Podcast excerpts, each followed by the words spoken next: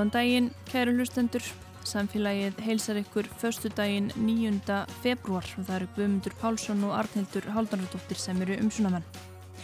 Dreigið hefur verulegur góðsina á Reykjaneska en enn er heitavasslust og sumstaðar kaldavasslust. Þorgils Jónsson, fréttamaður sem er búin að vera á vaktin á Suðunisum í dag, verður á líninu hjá okkur rétt á eftir. Börn verja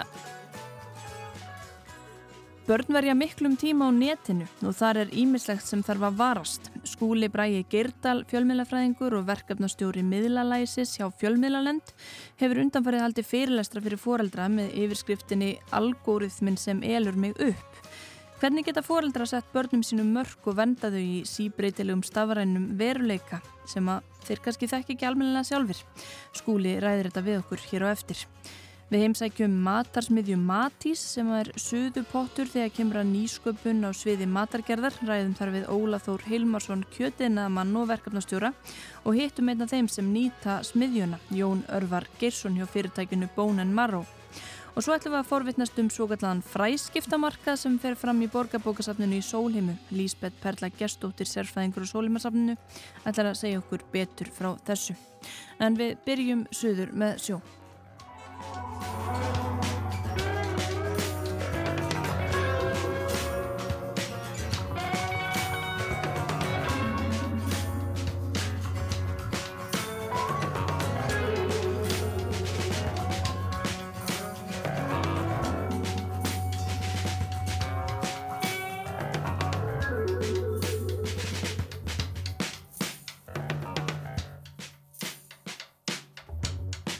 Þorgils Jónsson, fréttamaður, þú ert búin að vera uh, á Reykjaneskaganum og að spjalla við fólk og, og kanna aðstæður í, í morgun.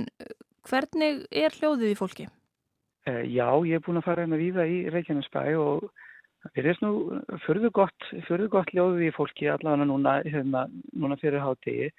Um, það var eins og, hérna, ég er náttúrulega bí hérna sjálfur þannig að ég get alveg vittnaði um að hérna, að húsin voru kannski ekki orðin mjög köld svona alveg fyrst í morgun en, en, hefna, en ég heyrði, ég heyrði í hefna, Björgunarsveitinni á þann sem er með opið hús fyrir bæjarbúa til að þessum fólk getur komið og hlýja sér. Og þau sögðu að það hefði verið eitthvað reytingur af fólki núna og, hefna, og margir talaði um að væri orðið dálítið kallt í húsum þannig að En, hefna, en mér skilst líka að flestir hafi bæði verið búin að koma sér upp ramagsofnum eða hittablásurum og hérna, þannig að það ætti, ætti svona að sleppa til hjá allar einna flestum. Já, og svona hjá þessum viðkomi hópum fólki sem er á, á heilbriðstofnun Suðurnesja og á hjókunarheimilunum, gekk allt vel þar með að halda hýta á húsunum í nótt og ennþá? Já, ég hérna við skilst það. Ég, hérna, ég tók viðtal við hérna, fórstuðum hérna, hjókunarheimilana Eh, hjúgrunarheimilega hrafnistu sem að hefna, hún sagði að hefði allt gengið óskum. Þau hefði sett, eh, þau verið með 90 íbúa og þau voru búin að koma hérna, heitablásurum inn í herbyggi hjá öllum þannig að, hérna, þannig að þeirra, eh, þeirra vist fólk kvartaði ekki og var, var, raunar, var raunar mjög létt af því að hérna, hún þurriður fórstuðum að sagði við mig að, hérna, að það hefði verið dáli til sett pínu uggað fólki þegar frettist af af þessu heitavarsleysi að því að fólk óttæðist jafnvel að þurfa að fara eitthvað og vera flutt burt og hérna en svo reyndist ekki verða þannig að þetta fór allt svona eins, eins vel og hérna og hægt var að, hægt var að ímynda sér og hérna og hún sagði að það væri nokkuð bara hérna góður andi hjá, hjá sínu fólki á hérna hjókunarheimilunum. Uh, og núna er útlitt fyrir að það hefur aðeins dreigist á langin viðgerðin á, á þessari heitavaslögn Uh, talað um að, að vonandi verði heitavatni komið á já, seint í kvöld eða miðnætti í kvöld, ekki satt? Uh, já, það, maður heyri það og hérna, íbúar hérna, vona náttúrulega að verði sem allra fyrst af því að hérna, uh, sérstaklega, hérna, sérstaklega bara út frá til dæmis pípurlögnum og öðru, það er hérna, ég veist í, í pípurum hérna á svæðinu sem eru alveg hérna sem eru alveg á útofnu við að til dæmis blása út hérna, vatni úr snjóbræðslulögnum í, í innkerslum sem að hérna, getur farið illa ef að, ef að þar frýs. Þannig að hérna, ég held að fólk, fólk sínum bara hérna, voni, vonist til þess að þetta komist á sem aðra fyrst og tristi því góða fólki sem er að, hérna, sem er að vinna í þessu til að, hérna, til að það, það gerist. Það bárst að því fréttir að það væri, ég farið kaldavatnið af flúvellinum líka, þú ert núna í leifstöð, hvernig er staðan þar? Eh, ég var hérna áðan að tala við bæði hérna fulltrúa frá Æslandi er og líka bara við hérna, farþegar sem voru að koma og hérna uh, og hún hérna, hún Silvíja rekstastjóru hjá Æslandi er sagði að þetta hefði allt gengið að óskum að það væri hérna svona meðan við allt og allt, það væri heitavaslust og kaldavaslust og svo talaði ég líka bara við, uh, við ferðamenn sem voru að koma hérna voru að koma hérna niður í, í komusalinn og hérna ég heyrði nú ekki betur á þeim að, að þau hefði ekki tekið eftir neinu var komið jafnvel að fjöllum þegar, hérna, þegar ég hérna, spurði út í hérna, óþægindi vegna, vegna kulda. Einmitt það. Takk hérlega fyrir þetta Þorgils Jónsson fréttamaður. Og þá yfir í allt aðra sálma. Hann er sérstur hérna hjá mér skúli Bræi Gerdal, fjölmilafræðingur og verkefnastjóri miðla læsis hjá fjölmilanemt. Þú hefur verið að halda fyrirlestur fyrir fullu húsi síðustu daga um miðlalæsi uh, og mér finnst títillin svolítið, uh, já, jafnvel skjálfilegur uh, algoritmin sem elur mig upp. Það vil kannski uh, fóreldra viljina kannski ekki útvista upp til, uppeldinu til algoritmar, en er það að verða raunin í meiri mæli? Já, það er því miður að vera raunin og, og ég sjálfur sem foreldri myndi ekki vilja láta algoritman sjá um uppeldið á mínu badni og það er eins með algoritman og gerfugreind og alla þessa nýju tækni sem er vissulega frábæður að e, það er engin mennska í henni, það er enga tilfinningar í þessu og, og þess vegna viljum við þetta ekki að þau séu að, alup börnin okkar. E, við eigum það til að segja, ja, börnin okkar er að alast núna upp í þessu nútíma samfélagi, þau þurfa að kunna á nútíma tækni, réttum um tækin tækin, jafnvel stundum til þess að kaupa okkur sjálfum tíma til þess að vera í tækjónum uh, og ætlumst til þess að þau bara læri á þau með því að nota þau. En gleymum þessu atrið sem er að kenna þeim á tækin. Já, og ef við tökum þessa pælingu aðeins lengra með algoritman að ala börninu upp, ef við hugsun bara um það sem börn er að fást við í tækjunum og ef að algoritmanum væri bara gefin frjálstaumur, hvað myndi hann kenna börnunum? Hva, í hvaða áttir fer hann með þau? Í ef hann hefur alveg frelsi bara. Í opaslega margar áttir sko, algoritmin, hann er í eigu fyrirtækjana sem að framleiða öppin. Hann er fyrst og fremst hannaður þannig að hann halda okkur við efnið eh, ekki til þess að halda frá okkur skadilegu efni. Eh, við fáum sama tækið í hendurnar alveg sama hvort við erum fullorinn eða börn þegar við kaupum þessa síma eða spjaltölfur og svo er það okkar að gera þau örug sem ég finnst í raundaldi skekja í því að því við kunnum það ekkert öll að gera þessi tæki örug sem við erum í höndunum Algoritmi getur sendt mig á alls konar staði, skuggalega staði sem ég ætla ekki að kíkja á og, og það er bæðin á TikTok og YouTube og Snapchat og fleiri miðlum. Hann getur leitt mig onni hólur, samsæriskenninga, inn í bergmálshella þar sem allir eru sammála mér og allir hinn eru fávitar og, og við fyrum að tala um í hverjum hópnum eru við, er, ertu með okkur eða hinnum. Þannig að við, sem dæmi höfum við alveg algoritma í fjármálakerfinu þar sem við erum með alls konar varnagla þannig að verða ekki kerfishrun en í þessum algoritma samfélagsmiðlana þá eru við ekki að, að setja þessa sömu varnagla. En samt er þetta algoritmi sem eru áhrif á líðhelsun okkar, börnin okkar þjóðaröryggi, líðræði og fleiri þætti. Já, og bara sjálfsmynd og þetta er eitthvað sem að getur gert börn og ungmenni útsett fyrir ofbeldi og einhverju sem hefur neikvæð áhrif á, á sjálfsmyndir ég sá einhver tjúman held þú að vera fjallum að það munur eftir kynjum hverju börn verða útsett fyrir á, á samfélagsmiðlum? Til dæmis verða að íta mikið að stúlkum svona einhverjum líta aðgerðum eða einhver svona útlitsbreytingum Já, það er það sem við sjáum í okkar ansóknum. Það er svona bilinu 20-25% úrlingstúlkna uh, í úrlingastíi í skólulandsins á Íslandi sem eru að sjá auglýsingar um botox og, og fyllefni, leiði til að megra sig, jafnvel með listastóli og búlemíu. Til strákana er það meira svona áhættu, hegðun, fjárhættu spil, spílaviti, áfengi. Þannig að það er munur eftir kynni um hvernig uh, auglýsingum er beint að þeim og svo eh, hérna klóru okkur í kollunum og hugsaum býtu hvað hva gerðist eiginlega hérna, af hverju eru ungar stúlkur á yngsta stíi og miðstíi grunnskóla fannar að vera með mjög aggressívar húðrútinur, nota rukku krem og, og svona Serum og þeim verður fjallað um þetta og slær, slær fólk að átt ára stelpur séu fannar að byggja um serum í jólugjöf eitthvað þess að þar. Það er svo leiðis og, og þróunin er bara víða þarna. Eh, ég með dæmi á mínu starfi börn á leikskólaaldri sem eiga eigin TikTok aðganga, eh, fjörðubekkinga eh, sem eru farin að horfa á klám og kynferðislega áreita hvort annað. Eh, við sáum dæmum stíplueiði sem 11 voru að skóla börn voru að skvetti andlit á öðru 12 voru að badni. Er búin að reyka það beint til TikTok eða einhverja samfélagsmiðla? Já, þetta var áskorun sem þeir sáu og lærðu á YouTube og við gleymum því ofta að þó að börn séu opáslega klár á tækni sem þau sannarlega eru að þá hafa þau ekki öðlast þess að þroska og reynslu sem þarf til þess að átta sig á því hvað er þarna. Börn og úlingar eru áhrifagjöld og við hefum ekki gleyma því. Þess vegna auðvitað það sem þau sjá þarna og það sem er haldið að þeim þessu efni e, það er það sem þau byrja að nota. Þess vegna sjá þessar húðrútinur og, og fleiri þætti. Þannig að þau eru mjög berskjölduð og svo eru það eh, fóreldrarnir og fórráðamennir þau sem eru að ala þau upp og eiga að setja mörg. Já, hversu fært er þetta fólk til þess að, að aðstóðu við þetta? Því að e, já, fullornir eru kannski líka svolítið berskjaldadir þegar þeir eru í þessum tækjum og verða fyrir alls konar áhrifum sem þeir kannski átta sig ekki á að eru já, já Já, ég held, ég held að við sem samfélag munum neðast til þess núna mjög fljótlega að byggja börnin okkur úlinguna formlega afsökunar á því að hafa nota þau sem gott samfélagsmiðla efni fyrir okkar eigin samfélagsmiðl sem fullotnir á því að hafa ekki hjálpa þeim nota þau sem tilhörna dýr þarna inn á þessum miðlum. Því að við höfum svolítið skiluð eftir við erum ákveðna tindu kynslu þarna núna að börnum sem eru núna á framhaldsskóla aldri og þau eru farin að velta fyrir sig þessum þáttum. Á ég skili einhverja bætur eða hver er réttu minngakart fóröldur mínum sem eru búin að nota mig á þennan háttun á samfélagsmiðlum. Ég myndi aldrei bjóða mínum börnum upp á þetta að segja þau við mig. Eh, að því þau eru farin að sjá þessi, þessi áhrif. Nei, býtu bróði minn tíu ára að ferna að byggja um þetta núna. Það er ekki sens að ég vilja farið þarna inn.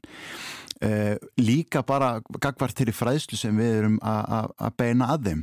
Uh, við erum að gera allt og allt og lítið þar í samanbyrði við löndin í kringum okkur. Þetta er algjörlega undir fjármagnað við erum með einhverja minnstu uh, fræðslu deilt sem bara finnst í, í álfunni. Ég hef sem dæmi verið að vinna mikið að fræðslu í sjálfbúðulega starfi verið að stelast til þess að fara í fræðslu erindi að því að skilabúðin eru sett í forgang alþjóðsamstarf og rannsóknir ekki fræðslu til barnana en ég get ekki sleft því þegar dæmin eru að verða svona í, í kringum okkur. Eftirspurnin eftir þessi fræðslu hún er, hefur gössanlega sprungið út ja, það eru langi bygglistar þetta er rosalega alvarlegu veruleiki sem þú ert að lýsa og þetta er náttúrulega verið talað um hvernig þetta svona virkjar einhverjar dopamin rásir í heilanum og fólk er að fá mikla svörun í gegnum þessa samfélagsmiðla og þegar að börn svona ungjapel bara sko neyri í leikskólan sem þú segir með TikTok eru farin að vera hluta af þessu og þá kannski bara hefur það áhrif og heila þarskandi frambúr, ég veit það ekki þú veist hversu mikla mikinn vanda er, erum við að koma börnunum í, ef svo má segja.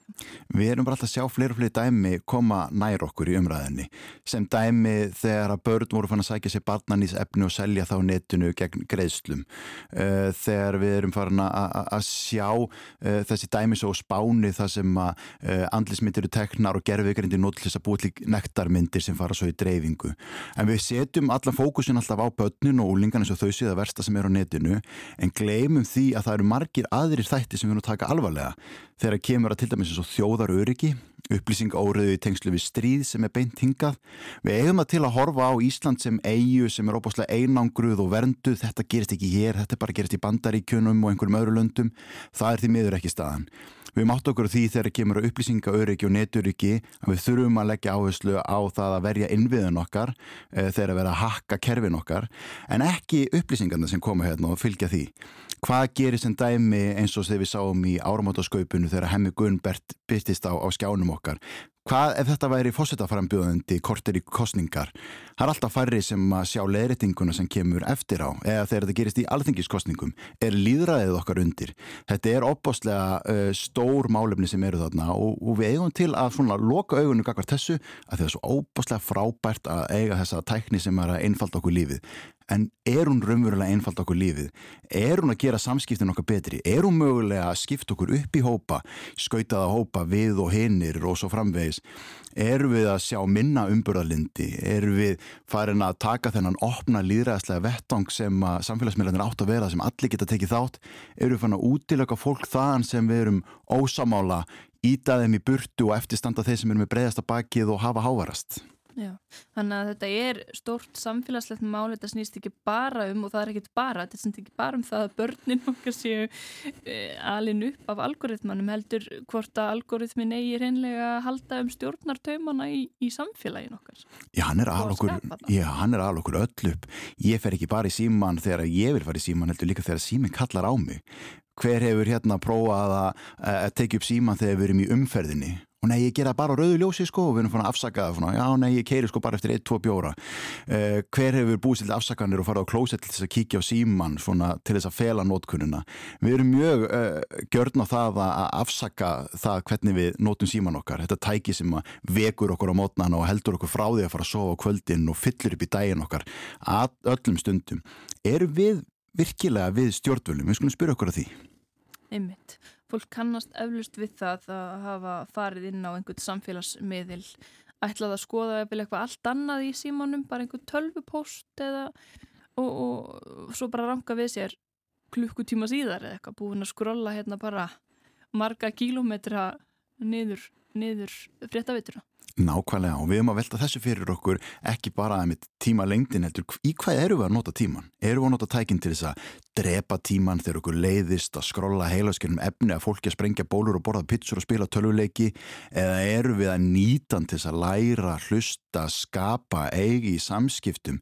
Því það er hægt að nota þessi tæki miklu meiri okkar þáu en allt og oft veitum við tækinu valdi yfir okkur leifur algoritmanum að stýra för hvaða efni er ég að sjá og setur eitthvað eftir þegar ég læt uh, heila minn aldrei hafa uh, sveirum til þess að vinna úr þessum upplýsingum.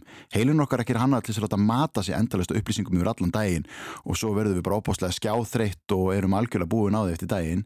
Uh, Gef okkur smá sveirum, meta upplýsingarna sem við erum að fá, þá sittur eitthvað eftir. Því eftir þetta skroll tímunum saman á TikTok eða hvað sem það er, það er ekki mikið sem sittur eftir því miður. Nei og það er núna fara í hönd bara, er það ekki næstu viku upplýsing á miðlalæsis vika sem þeir eru að fara að halda? Og þeir eru að fara að ræða um velferðbarna í stafrænum heimi. Þannig að það er einhver fræðsla þú segir að hún sé megi vera miklu meir og við kannski stöndum ekki alveg nógu vel þegar kemur að því hvað nákvæmlega okkar er að gera í þessu? Já, við erum að reyna að gera það sem við getum. Við erum núna tvö minni miðlalæsi stilt og erum með málþingi í, í næstu viku að því kemur enda tengsla neitt um upplýsing á miðlalæsi sem að fjölmargir eiga þátt að. Það er um velferð barna í stafranum heimi og við erum að nota þessa viku til þess að minna á mikilvægi þessara þátt að þegar ég segi við þurfum að gera meira, við höfum dæmis og netumferðaskólinn sem við unni í samstarfi við persónuvend er búin að vera á ferð og flugi en það verkefni er án fjármaks í dag, við erum með þróunarverkefnum að búa til námsefni fyrir yngstastig, það er án fjármaks líka, eh, við erum með fræðslu fyrir úlingastig, fyrir framhaldsskólan en höfum ekki fjármaks til þess að sinna því. Eh, eigum við þá að fara að rukka skólana um þetta? Verður þetta þá bara spurningum hverju er efna á kaupa fræðsluna, eða er þetta ekki farin að vera sjálfsögð fræðsla eh, eins og bara umferðaskólin þegar við lærum á umferðina? Þetta er orðin veruleikin okkur í dag, þessi net umferð og við þurfum að læra á hana. Þannig við nýtum næstu viku upplýsing á miðlagsvikuna til þess að minna á þetta mikilvægi og, og ég hveti ykkur til þess að kíkina á miðlalæsi.is þar sem er ekkert að skoða meiri upplýsingar um hana. Já, geta áhyggjufullir foreldrar og fólk sem hefur áhyggjur af, af sjálfu sér og er upplifið sig stjórnlaust gagvart þessum algoritma getur það leita þangað og fengið upplýsingar og þá svona kannski aldurssvarandi ráðleggingar um uh, já, nótkunnisra miðladra. Já, þar erum við með margt efni og við erum að sapna líka svona hlekkjum á aðrar síður. Þannig að ég sé að beina ekki á margar síður heldur þetta er bara einn síða sem getur farið inn á fundi meir upplýsingar. Því það er að aukast um mér, ég er að fá símtölu á kvöldinu um helgan frá áhugisum fóröldrum og, og, og ömmum og öfum sem eru farin að týna börnum og barnabörnum sem eru komin í mat og eru bara hægt að tala saman og, og hvað get ég gert? Við þurfum eitthvað verkfæri til þess að vinna með og við erum alltaf að reyna að bæta í, það mætti gera meira Uh, ég vinn mikla yfirvinni mínu starfi til þess að reyna að gera þetta og er alltaf að afsaka hvað er ekki mikið meira til en þetta er að koma og þarna er eitthvað sem við getum fundið. Já, eitt af lókum eh, skúli stundum við talað eins og þetta sé svona bara einhvert röfl í eldri kynnslóðum að þetta einhvern tíman hafi nú allt verið upp í loft út af því að fólk væri að lesa bækur og svo hafi tölvuleikin átt að skemma unga fólkið. Í þínum huga, er þetta eðlis ólíkt þessu þessi samfélagsmiðlar Það er það algjörlega. Þetta er algjörlega á nýjum skala. Ég er ekki að mælast til þess að við hendum símanum okkur í hafið og, og förum aftur til eldri tíma. Ég er nógu gammal til að hafa fæðst fyrir tíma Wi-Fi og Bluetooth þráttur að vera bara 31 ásara gammal. Var allt betra þá þegar við vorum með uh, fræðsluna um að við þurftum að spenna beltin og hætta reikin í bílum. Ég er ekki vissum það. Uh, þetta er ofboslega öllutækni, mikið undir, stórir fjármunir tröst, þjóðaröryggi, líðræði þetta eru ofbúslega mikilvægi þættir sem við verðum að vernda. Við þurfum að vernda börnun okkar ólingana en líka okkur sjálf. En ættum við að henda, henda Facebook og TikTok út bara? Ég held að maður nota á skinsamari hátt notum að þannig við græðum eitthvað á því við þurfum að valdefla okkur ekki lefa Facebook og TikTok alltaf að setja að leika reglunar við ætlum ekki að gefa okkar persónuupplýsingar gefa þetta allt frá okkur við ætlum að velja, ekki láta algoritman velja fyrir okkur Nefnt. Það er nefnilega þannig að sko þegar maður fer inn á Facebook eða þess að miðla alltaf þá líður manni eins og maður sé í einhverju svona persónlegu rými en þetta er kannski meira bara eins og að fara eitthvað út á galið en að vera bara einhver staðar í kringlunni eða einhver staðar í einhverjum sal þar sem er fullt á auðlýsingarskiltum og fólki að nýpa í mann og farið þánga að gera þetta. Algjörlega og við, þau þurfa átt að segja á því líka og það er samtalið sem ég á við börnun og úlingana að það er ekki svo auðvelt að við förum bara eftir á þau við sjáum eftir einhverju og förum bara þá allum að eigða því. Þó að hverju við sjónum þá er best að ganga út frá því það sem fer á neti er og verður á netinu. Hugsum áður um við setjum það inn. Er ég að fara yfir mörkja á einhverjum? Er þetta ekki sem ég vil að standi eða sem hluta mínum stafrænu fótsporum og minni vegferð þar? Eh, ég er nokkuð vissum að við séum öll að setja og deila of miklu um okkur hérna inni. Einmitt. Þetta er frábær bríning. Takk kærlega fyrir að spjalla við samfélagið skúli Bræði Gerdal, fjölmiðlafræðingur og verkefnastjóri miðlalæsis hjá fjölmiðla nefnd. Takk fyrir mig.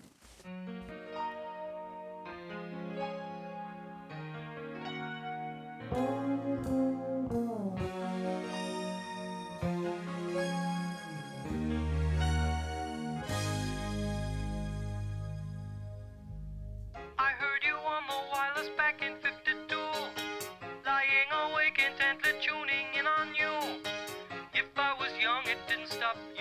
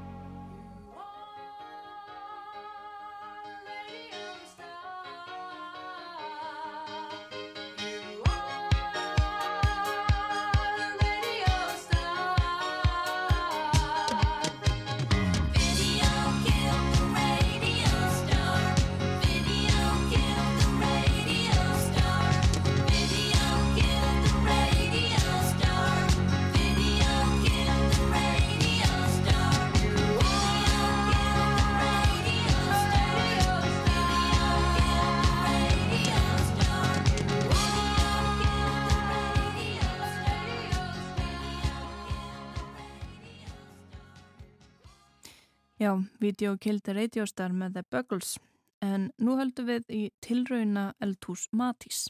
Þá er ég komin hingað í Matís og ætlaði þess að ræða fyrirbæri sem að þau eru með og kallast Matarsmiðjan eða tilrauna eldhús, gengur undir svona ymsum nöfnum og hann er hérna hjá mér Óli Þór Hilmarsson.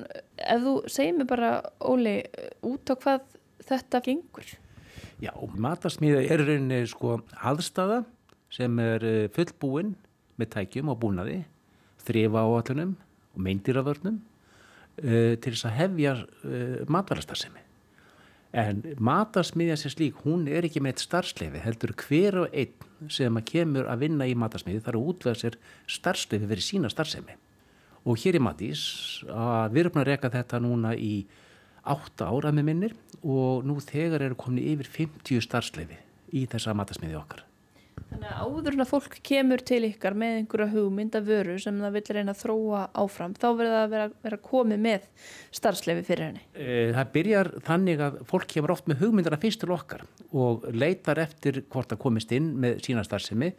Síðan þarf að fara í umsóknarferðlið um það að fá leifi til starfseminar og þar aðstúðu við oft fólk í, í, í þeirri vegferð þegar leifin eru fengin þá er komið að framlýslinni segjum að ég hafi áhuga á að, að þróa einhverja matveru úr, úr hérna, trjákóðu eða eitthvað og séum mjög skamt á vegkomin með hugmyndina ætla, ég ætla bara að segjum að ég ætla að þróa trjákóðu tópas hvað, hvað þarf ég að gera? Hvað, hversu þungtir er þetta ferli í leifisveitingum? Þetta er raunin ekkert mjög flókið en það sem við ekki kunnum og ekki vitum það er oft svolítið flókið svona í fyrstu sín má segja grunn þemað í öllu þessu ferli er það að öll matvara skal vera hæf til neyslu og ekki skada neytendur. Síðan fer ferli út af það að, að viðkomandi framlegandi, hann sínir fram á uh, með gæða handbúk til dæmis hvernig hann kemur í veg fyrir hugsanlegar hættur í þessari framlegslu hvernig eru umbúðunar, eru umbúðunar ætlar fyrir matværi hvernig eru merkingarnar hjá þér, eru er með næringagildis yfirlýsingu, eru er ofnamisvaldar. Það er, það er í þessa verðin sem fólk þarf að fara í gegnum allt ferlið. Okkur finnst þetta alveg sjálfsögðu fyrir mútið í búð og kaupum okkur þar matveru.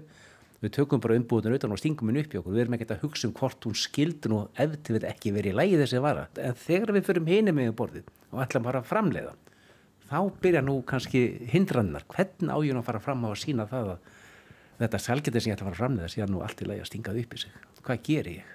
Fólk finnst oft uh, óréttlættar kröfur en það eru það alls ekki. Það segja allir sem að fara fram uh, gegn í okkur er það að þeim fannst þetta ekki góðar kröfur í byrjun en mjög skiljanlegar eftir á þegar það var búin að yfirstíða þær. Og fólk er að prófa sig áfram hérna og framleiða. Uh, við ætlum að kíkja í eldursu núna rétt á eftir og þar er einna að, að störfum við að, við að búa til vöru Jújú, jú, jú, við kvöllum þetta e, frumkvölar eða smáframleiðendu. Frumkvöld getur verið sá sem ekki er komin á framleyslistíð, heldur er að þróa áfram. Það fær ekkert leif í það. Man geta þurft að þróa sína vöru nokkru sinnum til þess að, prófa nokkru sinnum til þess að þú vart að sé hæfa markað. En þegar það er komið og leiðið fengið, þá fáði nýtt starfsýtti sem heitir smáframleiðandi og það er einmitt einnan störfum hérna hjá okkur í dag. Nú erum við sjálfa að nota þetta húsnaði okkur eigin starfsefn, þannig að við erum að nýta aðeins þann tíma sem við erum ekki að nýta sjálf í þessi vinsluhúsnaði og það er oft svolítið þröngt að þingja að komast hinga inn en, en við reynum að retta þessu öllu. Já, talar um Hva, hversu margir eru að fara hér í gegn á, ég hvað ég segja, mánuði eða, eða ári?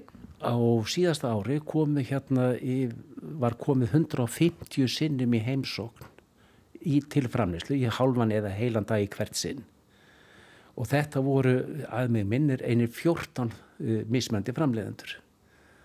Allt frá því að framleiða ísmóla í það að fara að búa til smárétti sem seldur á veitingahúsum. Þannig að fló, flóran spannar öll matvæli.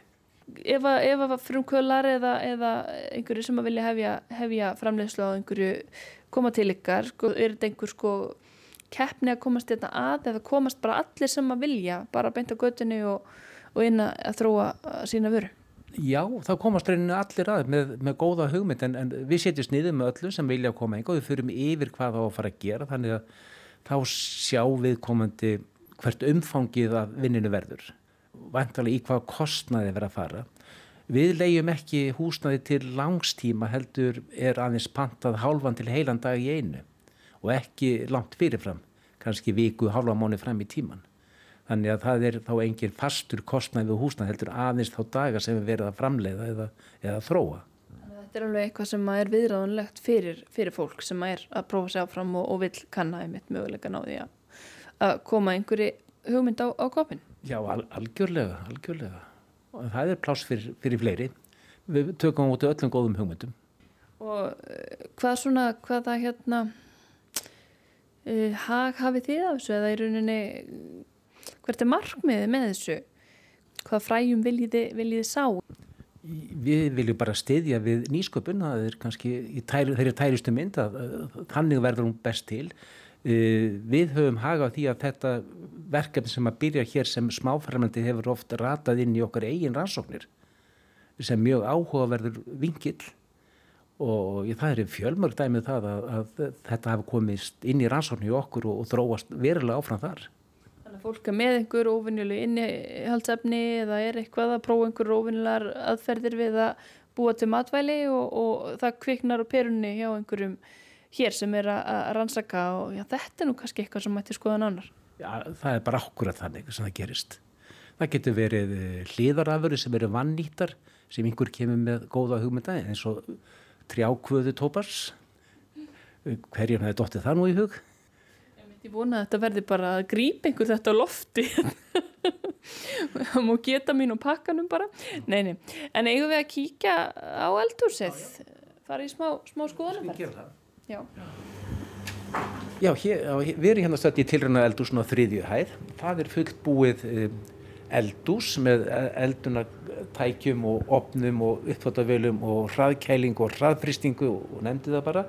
Hér er mikil kvítlökslikt í loftinu því að uh, hér á síðustu dögum fyrir jól var unnið mikið við að uh, þurka kvítlög og blanda saman við flögusalt og þetta er um það byrja að komast á markað þessa dagina núna úr íslenskum kvítlög og íslensku salti.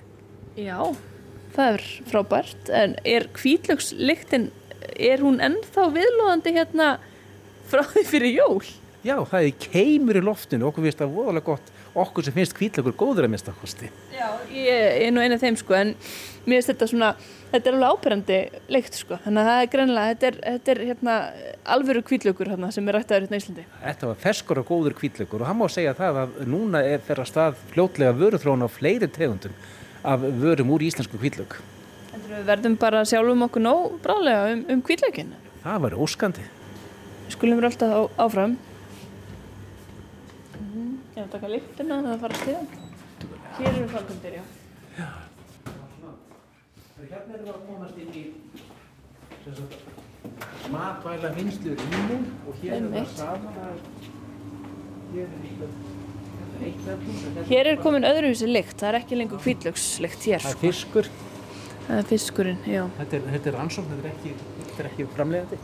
Það hérna er framlegandi. Æja, Jón Örvar. Góðan daginn. Góðan daginn. Blessaður.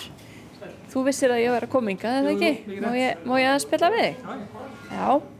Henni, hér er þess að maður í þar til gerðum búnaði að eiga við plastkassa með glerkrukkum. Ég heiti Jón Örvar Jónsson og að fyrirtæki sem heitir Bónin Maró. Þú ert, þú ert bara, er þetta lokast í framleyslunar? Já, þetta er svona undbúður utanum beinasiði sem ég er að framlega hér og já, og var að klára bara að merkja þær og setja límið á og, og síðan fer bara beinasiði onni krukunar. Hvaða þýðingu hefur það fyrir þig að koma hingað í matarsmiðju Matís?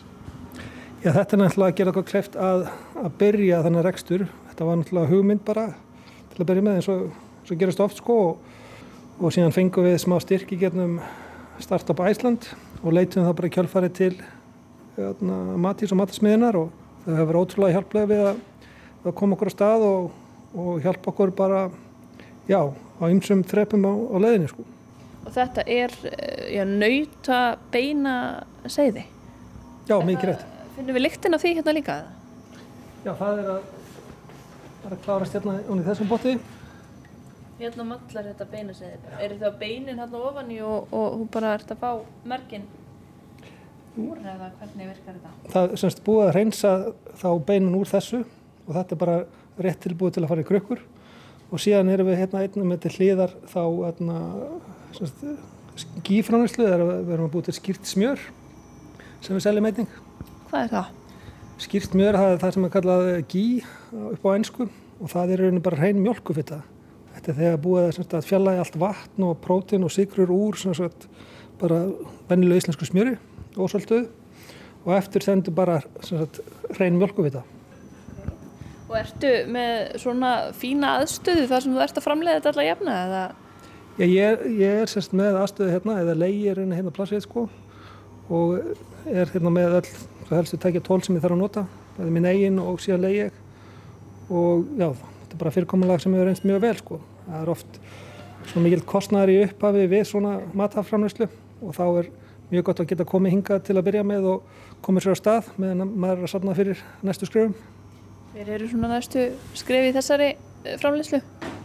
Já, það er eh, smá sem mann er að auka vörólvar og, og auka framlösluna, það er fullt af höfmyndum það er bara komaðum í frangvænt og hann, Óli hann gaukaði því að mér að þetta væri sko vara sem að unga fólkið væri mjög spennt fyrir margt og svona fólk sem að vildi kannski fá sér einhverja hristinga eftir ræktina eða, eða ég vil fækka hrukun með eitthvað þess aftar lofaru, lofaru hérna hrukku eyðingu Já, ég, ég vil nú ekki lofa því sko en ég get lofa því að þetta er þetta, þetta er ágættis helsudrykkur sko og þetta er, þetta er líka mjög vinsalt meðal, meðal kvenna 25 til 55 fínt svona sem, sem heilsu bót sko.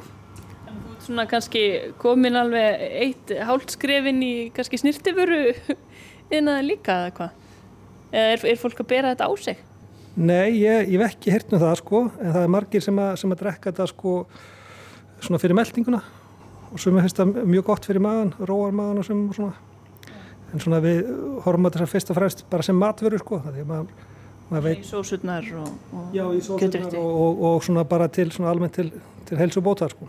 Hér er þetta komið á grúkuna Drekkið heitt í staðin fyrir kaffi eða te.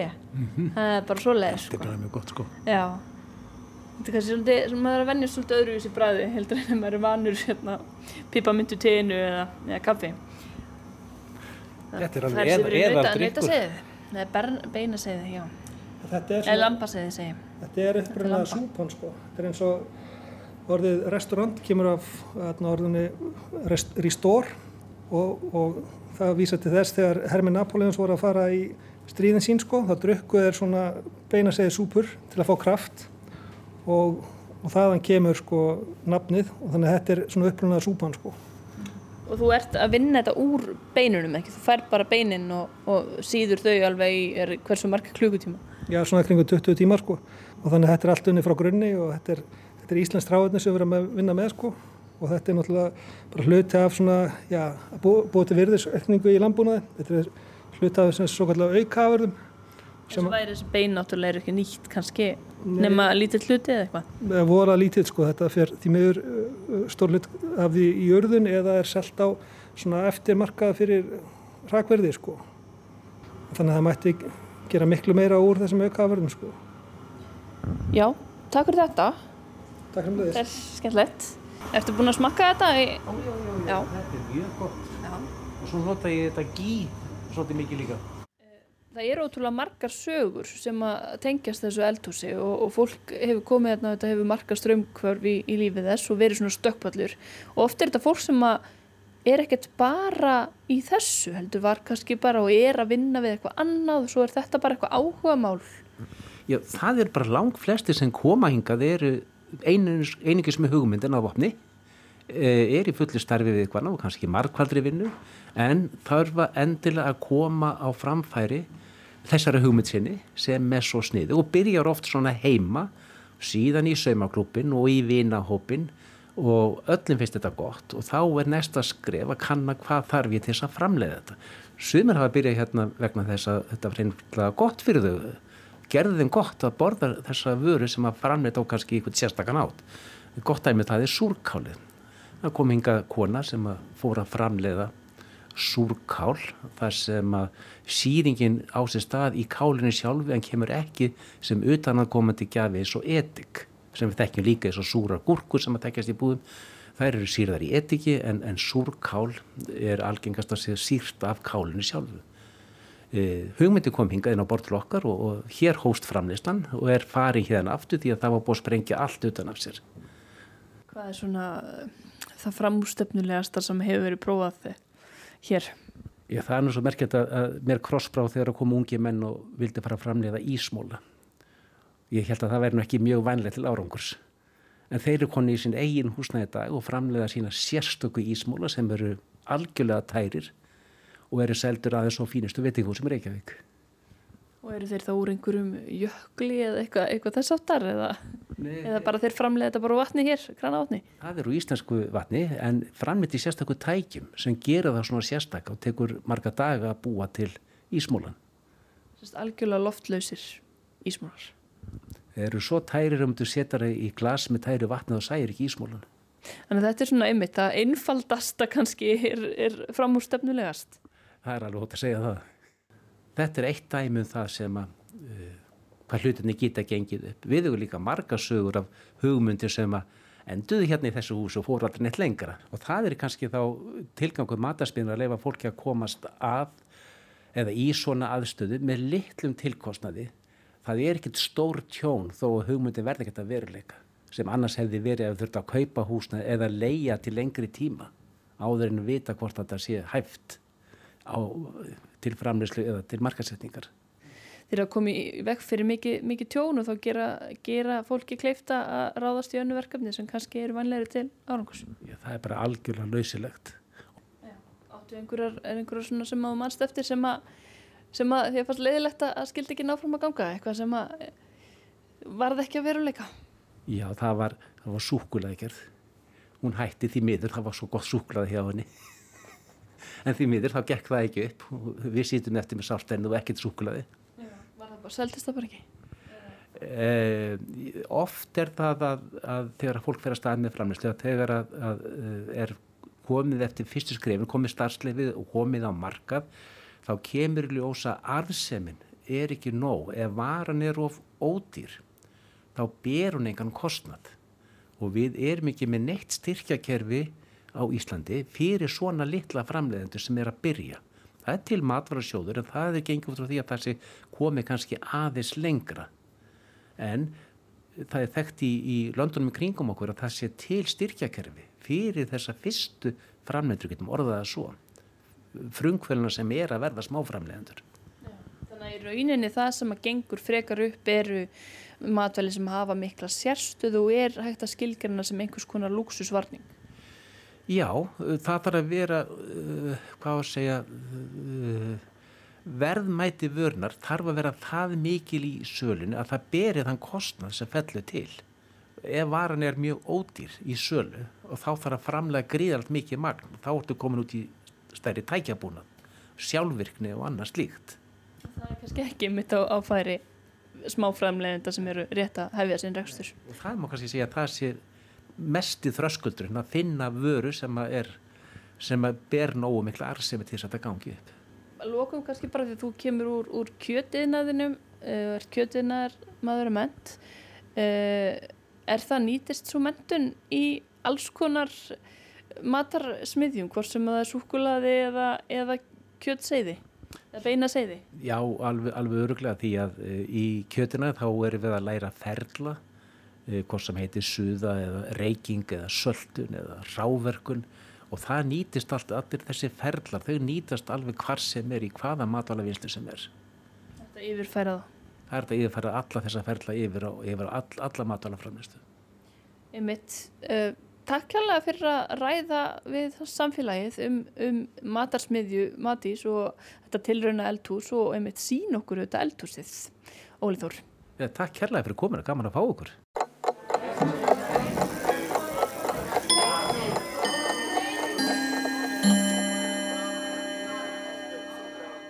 Stundum er haft á orði að það verði að þreja þorran. Þetta er orðatiltæki sem er haft um að halda erfitt ástand út. Lengri útgáfan af því er að þreja þorran og góuna. Að þreja merkir að þrauka, halda út, og er skilt sögninni að þrá. Einnig er til nafnorðið þreja sem við þekkjum nú orðið engum með forskitinu ó í orðunum óþreja og óþreju full sem merkja óþól eða eftirvending og að vera full óþóls eða eftirvendingar. Orðatiltækið að þreja þorran tengist því að halda þennan erfiða mánuð út, áður fyrir oft við hungur og kulda og víst er að veður geta orðið einna verst á þessum árstíma og enn er stundum erfitt að hita hús í miklum kulda. En merking orðatiltækinsins hefur færst yfir á hverskins erfiðleika.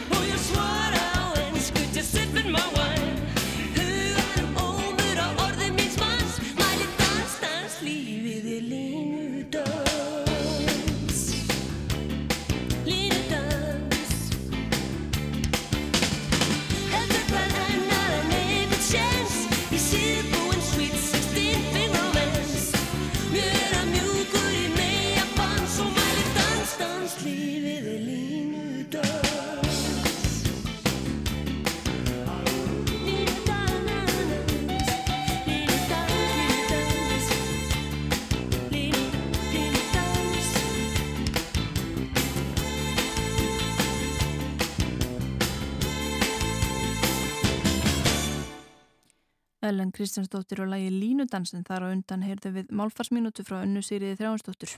En næst er það fræ.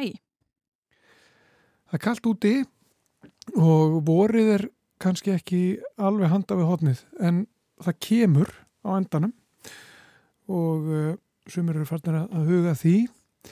Núna er hafinn fræskipta markaður uh, á borgarbókasafninu í Sólheimum og uh, þá getur fólk komið og nælt sér í fræ uh, fyrir matjúrstir og ímsa plöntur og hún er sérst hjá mér Lísbeth Perla Gestóttir sem er sérfræðingur hjá Borgarbókarsamnu Verður velkominn til okkar Já, takk Hvernig gengur þetta fyrir sig? Fræskipta markaður? Í... Er þetta þannig að fólk kemur með fræ og svo kemur ykkur annar með önnu fræ og svo er þetta að ganga í þetta og skiptast á eða? Já, í rauninni e, þá er þetta bara uh, svo leiðis en svo erum við líka með slatta af fræjum sem fólk getur komið og, og nælt sér í þannig að við uh, skildum ekki fólk til að koma með fræ. En það er bara mjög gaman að sjá það koma, við vorum með þetta fyrra líka sér sagt og þá komu alls konar uh, skemmtileg fræði sem að fólk var döglegt að skipta út og, og, og taka hjá okkur.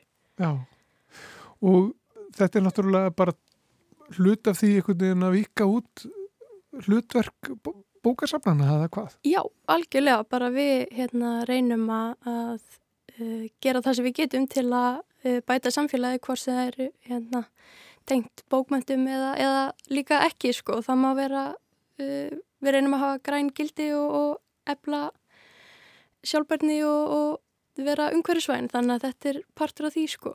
Já. Þetta er ekki bara, ba, ekki bara bókasafn. Nei, einmitt. Þetta er náttúrulega bara hluti af samfélaginu. Já, algjörlega. Já. Hvernig, hvað er fólk að komið? Hvernig fræðir þetta? Uh, í fyrra var rosa mikið af alls konar blómum sem að ég hérna, verða viðkjanna, ég þekk ekki, ekki öll blómin en svo veru líka alls konar paprikufræ, chili uh, og svo eru við með fullt af kryddjúrtum, sigurbönir sem er held ég mjög skemmtilegt að rækta. Bönnin voru mjög spennt fyrir þeim að þau eru svo stór. En já, en svo, getur, svo eru bara alls konar fræ, gulrætur og hérna, alls, alls konar salut og, og kál og bara já. það sem okkur dætt í huga að fólk geti nýtt sér. Já, og er fólk duðlegt að sækja þessi fræ?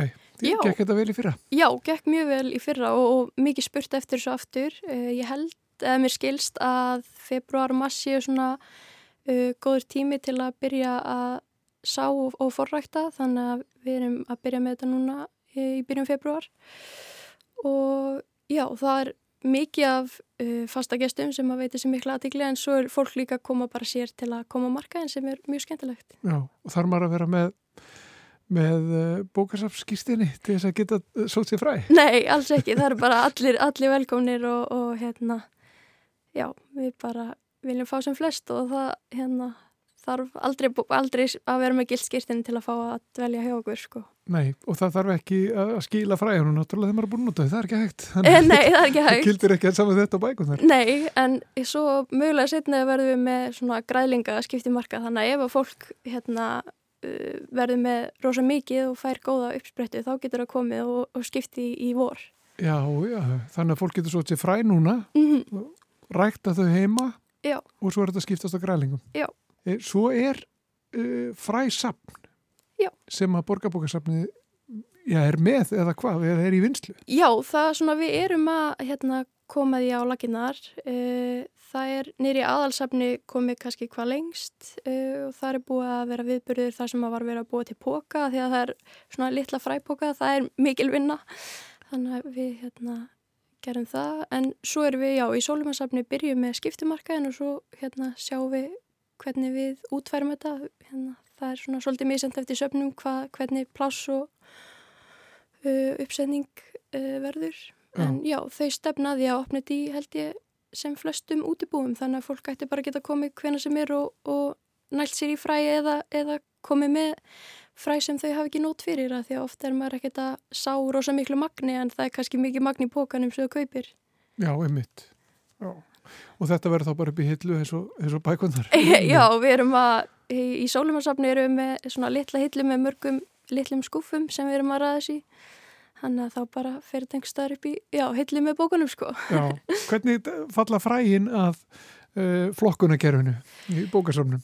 Já, það er góð spurning. Ætli þetta far ekki bara upp í hillu hjá hérna grasa og plöndu bókunum, engst það er í 631-5 held ég. E, fylgja eitthvað leiðbenningar eða er þetta, það er náttúrulega ímsa bækur á bókarsöfnunum sem, sem að fólk getur tekið til þess að fræðast um það hvernig er best að rækta og, og svo uh, Já, algjörlega, við erum með fullt af, af uh, gardirkju bókum en síðan erum við með uh, spjöld sem við fengum frá, sem sagt við erum að gera þetta í samstarfi við konu sem heitir Lilja Sigrun Jónsdóttir og hún hefur unni með Guðriði Helgadóttur að svona freðslefni þannig að við fengum svona spjöld frá þeim sem að fólk getur uh, litið í og þar eru svona tekið fyrir hver, hver og einn planta sem að kannski er verið að rækta og, og fengi upplýsingar um það. Og svo voru við með viðburði fyrra sem að uh, var farið yfir svona það uh, helstu atriðin í svona ræktun og við erum líka með upplýsingabækling frá því þannig að fólk ætti að geta afla sér upplýsingar nokkuð svona greinilega. Þannig að núna er þetta þannig að, að um, fræskistamarkaðurinn hann er byrjaður Já. Fólk getur komið í, í sólheima með, með fræ eða Já. hvað? Já, bara hvort sem það er hérna, bara nokkur fræ í póka eða ef það er mikið ágangs þá bara skilar það því til okkar og það fer svona eftir, já, hvernig umbúðunar eru hvort að við hérna setjum það í ennþá minni fræpóka eða að fólk getur bara sjálft hérna tekið sér í, í póka. Já, veit það. Er eitthvað sé, sérstaklega skrítið sem að hefur komið upp úr einhverjum fræbókanum, veistu það? Er eitthvað sem að, sem að þið eru eitthvað að hugsa yfir? Sko, ég veit ekki, við plöntum nú nokkrum hérna plöntum síðasta sumar og það er ennþá að koma hérna chili og, og tómatar svona annars læðið hjá okkur. Uh, svo er eitthvað að vaksa upp úr tómatpottinum sem ég veit ekki hvað er og það er ekki tómatplanta. Þannig að mögulega er það, já, eitthvað sem hefur farið, uh, farið óvart ofan í. En já, við vorum með, prófum að setja sigubeinir og oregano sem er hann á kaffistofu. Þannig að þetta er bara ímislegt sko. Já, og mjög fjölbreytt. Já. Ég veit það, við skulum ljúka þessu svona Lísbeth Perla gestóttir sérfræðingur hjá Borgarbókasafninu. Já, takk. Takk fyrir komuna í samfélagið og góða skemmtun og fræðskipta markaðu, gangið vel. Já, takk fyrir. Já, þannig sláum við botnin í samfélagið þennan förstu daginn. Hafið, sam, hafið það sem allra bestum helgina og verið sæl.